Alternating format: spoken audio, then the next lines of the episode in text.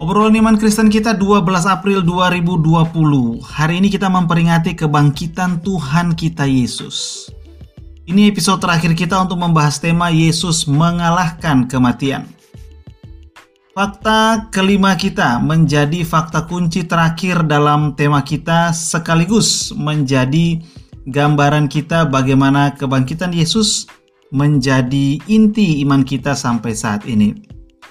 Fakta kunci kelima yaitu keadaan para murid Yesus sebelum dan sesudah kebangkitan. Fakta ini menunjukkan kepada kita perubahan drastis yang terjadi pada diri para murid akibat dari kebangkitan Yesus. Cerita Injil memperlihatkan kepada kita bahwa para murid gemetar dan lari ketakutan saat berhadapan dengan segerombolan orang yang membawa pedang dan pentung, suruhan para imam kepala, ahli Taurat dan tua-tua. Markus 14 ayat 43. Injil juga mencatat orang yang paling menonjol dalam kelompok para murid tersebut yaitu Petrus justru menyangkali gurunya sendiri di saat yang seharusnya paling membutuhkan murid-muridnya. Penyangkalan Petrus terhadap Yesus ini bahkan ditulis oleh keempat penulis Injil. Tidak ada satupun para penulis Injil itu keempat-empatnya untuk melewatkan peristiwa ini. Mereka semua menuliskannya.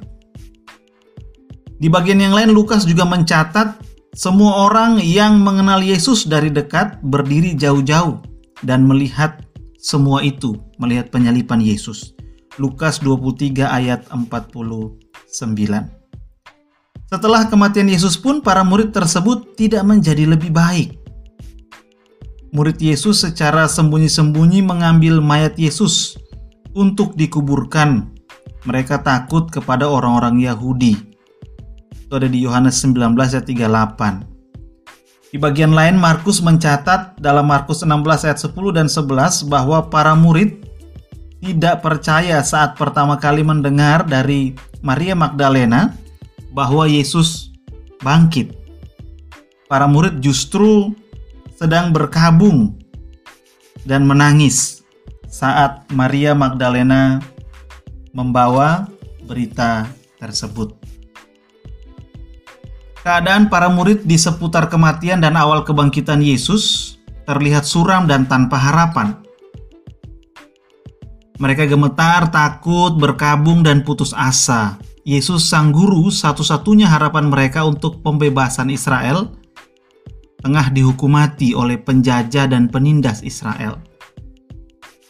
Keadaan para murid ini menunjukkan adalah tidak mungkin bagi mereka untuk menciptakan kabar palsu terkait kebangkitan guru mereka.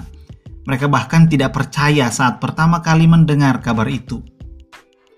Pertanyaannya adalah bagaimana kumpulan orang yang gemetar, putus asa, takut, dan sedang berkabung tanpa harapan ini dapat berubah menjadi orang-orang yang berbeda apa yang membuat orang-orang Galilea yang dipimpin oleh pribadi penyangkal seperti Petrus ini dapat berubah?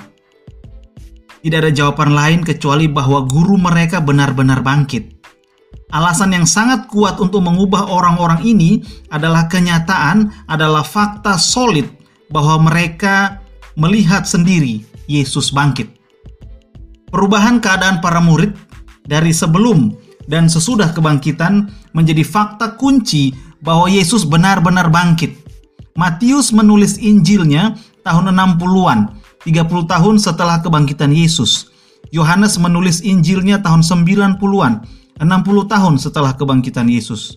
Berita kebangkitan dapat bertahan 30 sampai 60 tahun setelah kebangkitan Yesus. Para murid yang penakut dan putus asa mustahil untuk mempertahankan kabar yang tidak benar dan sekedar buatan di tengah-tengah tekanan orang-orang Yahudi dan Romawi. Hanya ada satu alasan mereka untuk dapat berubah dan terus mempertahankan berita kebangkitan ini. Mereka benar-benar melihat Yesus sudah bangkit. Kita tahu melalui sejarah gereja bahwa orang-orang ini mempertahankan berita kebangkitan Yesus sampai akhir hidup mereka. Setiap dari mereka mati sahid.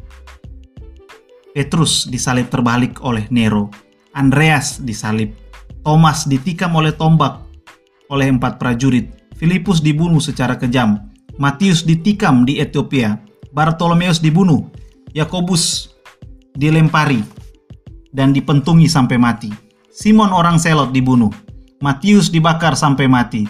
Hanya Yohanes yang mati karena usia, tetapi sebelumnya ia juga pernah direbus dalam minyak panas, hanya berhasil lolos dari maut.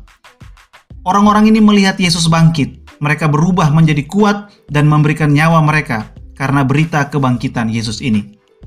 Melalui kesaksian mereka, kita tahu bahwa Yesus benar-benar bangkit. Kita tahu bahwa Yesus mengalahkan kematian. Selamat Hari Kebangkitan. Tuhan sudah bangkit. Haleluya.